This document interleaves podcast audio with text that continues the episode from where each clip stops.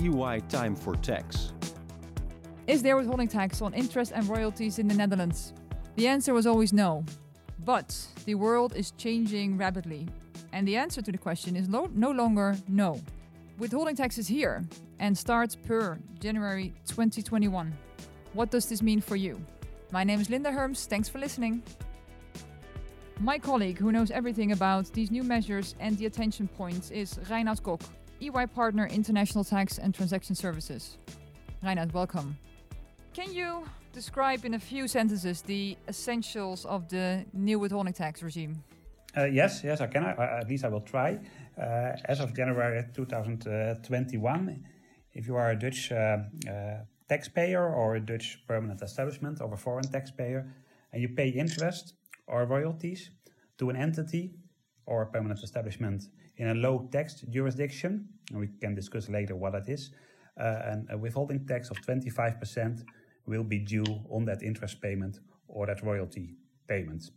And uh, what, what is a low tax jurisdiction? To already answer that question, uh, that is a jurisdiction where the corporate income tax rate is less than 9%, or a jurisdiction that is on the EU list of non cooperative jurisdictions. Are there a lot of countries? Uh, I don't know the number, maybe 10, 15. Uh, so I already mentioned in the uh, the introduction. It's it's a novelty, right? I mean, we never had withholding tax on interest and royalties in the Netherlands. So why are we introducing this? Um, yeah, the, the reason is is twofold. The, the Dutch legislation legislator wants to uh, uh, stop that the Dutch tax base is eroded by interest or royalty payments to uh, low tax jurisdictions, uh, and secondly, um, the legislator wants to stop that the Netherlands uh, acts as a gateway to low tax jurisdictions. And, and maybe I, I, I, want to add that not only payments to low tax jurisdiction can fall under the scope of the withholding tax, but also uh, payments uh, in abusive situations or payments in hybrid situations. But we can discuss that later. Okay, that already sounds a lot more complex than uh, just payments to uh, to these jurisdictions. Um, so it, the essential is to not erode the Netherlands tax bases, but I guess uh, we've we've seen new measures that are actually countering such anti-base erosion already in the Netherlands through limitation of deductions, for instance, like interest payments that cannot be deducted. Why is this necessary? Is it still uh, is, it, is, it more politics, or do you see that it's really necessary to uh, have with this aim to counter base erosion? Yeah, you're you're correct. Uh, uh and as I said, there are two aims. But if you look at at, at, at base erosion, then indeed we have uh, already a lot of uh, uh, articles in our legislation that um, counteract eroding the Dutch tax bases, and those will, will still be applicable. For example, the implementation of um, the Anti-Tax Avoidance Directive 2 on, on hybrid mismatches. So it can be the case that interest payment, for example, is not deductible for corporate income tax purposes, but is uh, also taxed uh, under the withholding tax. So then you have a kind of double taxation. And of course, that, that, that issue was raised in Parliament, but it was said, yeah, but this is anti-abuse rule, this withholding tax, and then you should just restructure, and we are not going to uh, take away that, that double uh, taxation. We just we just don't want it, and then you have to pay if you still yeah. do it. Because what is the rate that we're talking about, this withholding tax? We're talking about a rate of 25%.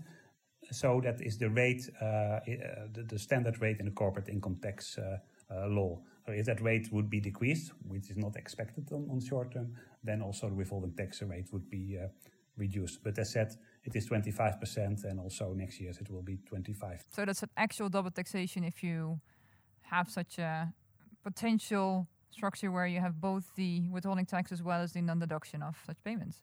That's steep. Can you explain a bit more about other forms of such double taxation that might exist? Uh, yes, for example, uh, what I said, um, if you pay uh, uh your interest or your royalties to a low uh, tax jurisdiction, then withholding tax is due.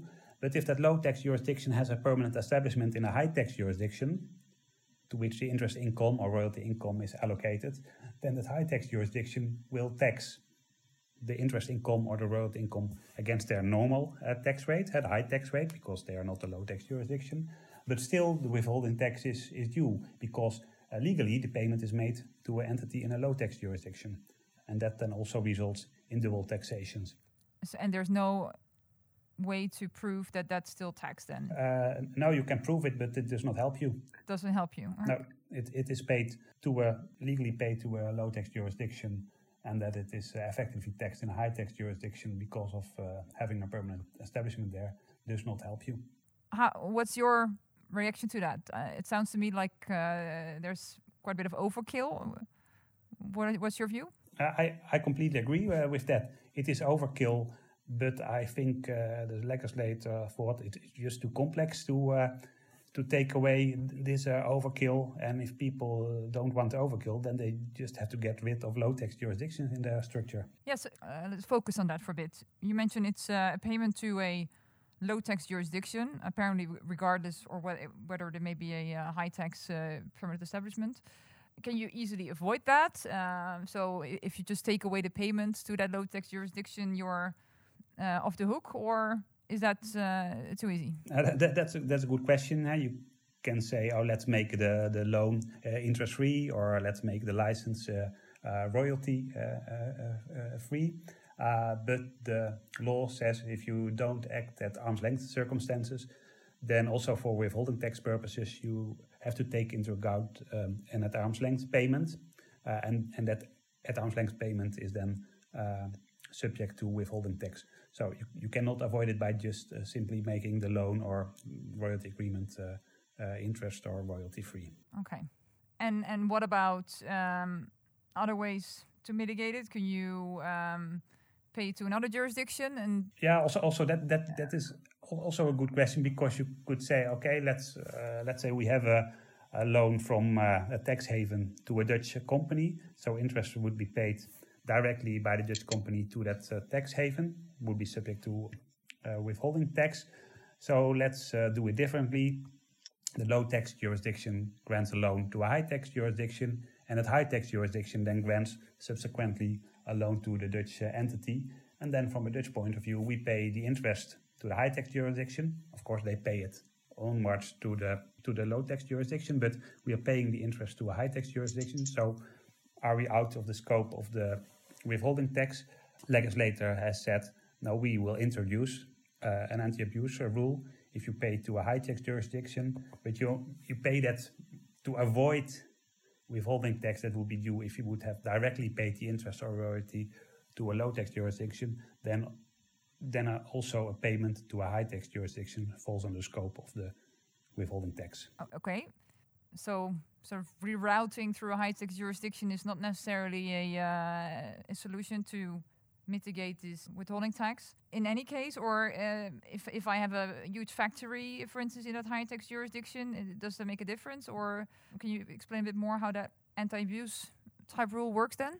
Yes if you if you reroute it with the aim or the main aim to avoid the withholding tax then the law says the payment is still subject to withholding tax. So if you have a factory in a high tax jurisdiction uh, and then the loan is granted by the low tax jurisdiction to the high tax jurisdiction where the factory is, and then it's on lent to the Dutch company, yeah, then still you can say, what's the reason that I do that? That is to avoid the withholding tax because what has the factory to do with this loan arrangement? But maybe in cases, and you have to look to uh, on a case by case basis to the uh, relevant substance. If you have a treasury uh, department in a high tax jurisdiction. So with, with people who really are involved with, with granting uh, loans and the Treasury Department attracts a loan from a, a, a, low tax jurisdiction, then you could argue, but again, you have to do that on a case by case basis, that this Treasury Department is, is, is, is not in the structure to avoid the withholding uh, tax. But then you need really relevant substance there. So it sounds like there's some work to do if you still have entities uh, in low tax jurisdictions in your your structure. So, what are the action points that clients must do since the rule is going to be in place uh, uh, quite soon? Yeah, there's not not a lot of time uh, indeed, but for some groups, uh, restructuring the the loan arrangement or the royalty arrangement uh, would be the the answer. So just or just it, it sounds easier than it uh, may be in practice, but take out uh, loans or royalty arrangement out of the low tax uh, jurisdiction. Another point is um, if it takes you more time to restructure, yeah, already pay the interest that is accrued, that's currently accruing, pay it before the end of the year. Because if you, so I'm talking now about uh, interest that is already accrued, um, because if you pay it in 2021, it, it's probably under the scope of the withholding tax. But I think the structural answer uh, is, yeah, take the loan and, and, and license uh, arrangement out of the low tax jurisdictions. Are there still considerations from an else perspective in that regard? If you have a payable, it, it depends. It, it, depends if you uh, if the if the low tax jurisdiction transfer the loan to a high tax jurisdiction, and assuming that we are not uh, creating an abusive situation, that in principle should be fine from a Dutch debtor's point of view because just the creditor changes. Uh, but if you uh, say uh, we will, we want to get rid of the of the loan itself, so let's capitalize it or let's uh, repay it, then you have to look at the corporate income tax consequences of of that. There might be a built-in gain in the in the in the debt that, that could be taxable upon capitalization or repayment. Okay, Reinout. So if you have indirect payments to a low tax jurisdiction, even if you have a, a high tax entity uh, that's an intermediary receiving uh, such interest and royalties, you may still uh, need to withhold this uh, taxation. Uh, are there any other of such similar situations where, as a Netherlands company, you may need to withhold the taxation on interest and royalties? Yes, I, I, I think we also have to to add that payments to a hybrid entity, so that could be a partnership or it could be an entity, uh, for example, that is that is checked for uh, U.S. tax reasons. That payments to a hybrid uh, entity can also be subject to to the withholding tax on interest and royalties. Okay. Now I'm curious. So um, this withholding tax is on payments. What if I never pay interest and royalties? I mean, sometimes you you see that companies just extend um, a payment and accrue interest for instance, on a uh, on a loan payable. So what's um, does that have any implications? Yeah, that's that's that's a good question because you could say, oh, we have a loan with a term of ten years, so let's pay the interest uh, at the end of the term. So the first ten years we don't have the withholding uh, uh, tax, but we delay it. Um, but the law says that um, accruing the uh, the, the interest on on the loan is a taxable event, and there's a deemed accrual date, so you could say a deemed payment date, uh, December 31st of uh, of each year. And um, so you can cannot avoid uh, the withholding tax by not paying the interest or royalties yet. I, I have to, to, add that if you eventually then pay the, the interest or the royalty, that there's an anti-accumulation rule. So you pay it then December 31st of each year. But if then eventually it, it is really paid, the, the interest, then you don't have to pay it again. Ah, so no double taxation in that case. No double taxation in that case. okay. Um, so the rule enters, enters into force on um, the 1st of January uh, coming year. If you have any accrued interest before then and, and you don't pay until uh, next year, do you have such anti-accumulation as well, or does that work? Yeah, th th that that is a good question because the anti-accumulation accumulation rule is for the situation that the withholding tax has been paid on the, let's say, the deemed payment date or accrual date, December 31st of each year. But if uh, you don't have a deemed payment date on December 31st, 2020, because the law is not yet uh, in, in force uh, on that moment, and if you then pay the interest uh, uh, later, then I think it's a legitimate fear that you pay withholding tax over the entire amount even if that amount is, uh, let's say, economically linked to 2020 or, or, or, or before. So that's a, a, really fair point, yes. Mm, that sounds quite painful. No compartmentalization there then. If you have to pay withholding tax, uh, how does it work? Is it new taxation? So, I, I, are there new systems in place? Uh, do you need to file a form? What's the it, route it's there? a withholding uh, uh, tax, and that uh, means that if the tax is due, it has to be withheld by the debtor, by the payer of the interest uh, or the royalties. So the Dutch uh, company, just like dividend withholding tax. So, so they have to assess whether they have to withhold the withholding tax and pay it to the tax authorities. So legally, the recipient of the payment is the taxpayer, but the would say the, the, the, burden to withhold the, the tax and pay it to the tax authorities that is uh, on the Dutch uh, company or the Dutch permanent establishment. Thank you very much, Reinout. This brings us to the end of this podcast. If you need more advice, you can contact your EY tax advisors. If you don't want to miss anything about EY Time for Tax, please subscribe to the Apple Podcast or Spotify. My name is Linda Herms. Thank you for listening. and Until next time.